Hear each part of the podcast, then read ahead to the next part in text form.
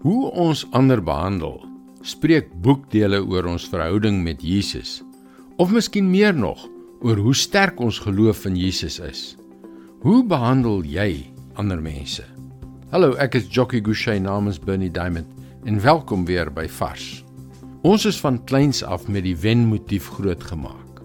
Ons moes die beste wees op skool, in sport, in ons verdere opleiding en in die arbeidsmark. Mededinging word soms so belangrik dat wanneer ons ons doel bereik, ontdek ons hoe eensaam die kruin van die golf kan wees. Moet my nou nie verkeerd verstaan nie. Hierdie wêreld het gefokusde uitkomsgerigte mense soos ons nodig. Maar die gevaar is dat jy uiteindelik 'n spoor van mense wat jy seer gemaak het agter jou kan laat. Een van die dinge wat ek in Jesus bewonder, is dat hy regtig gefokus was. Hy het presies geweet waarom hy hier was en waarheen hy op pad was na die kruis.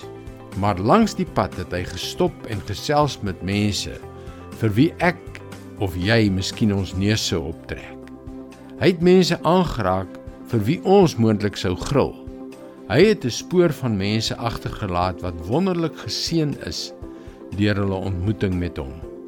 Die apostel Paulus het later geskryf in 1 Korintiërs 11 vers 1: Volg my voorbeeld soos ek die voorbeeld van Christus volg.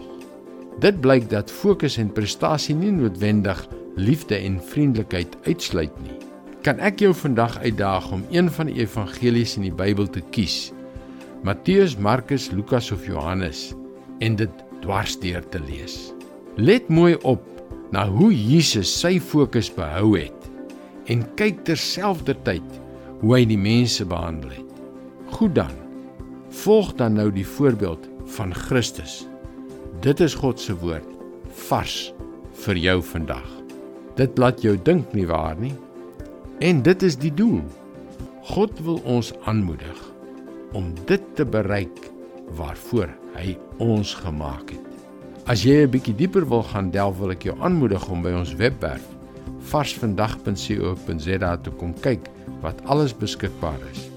Daar is talle Afrikaanse praatjies soos hierdie en ook Engelse TV-boodskappe. Mooi loop, lekker lees. Ons gesels weer maandag op dieselfde tyd, dieselfde stasie.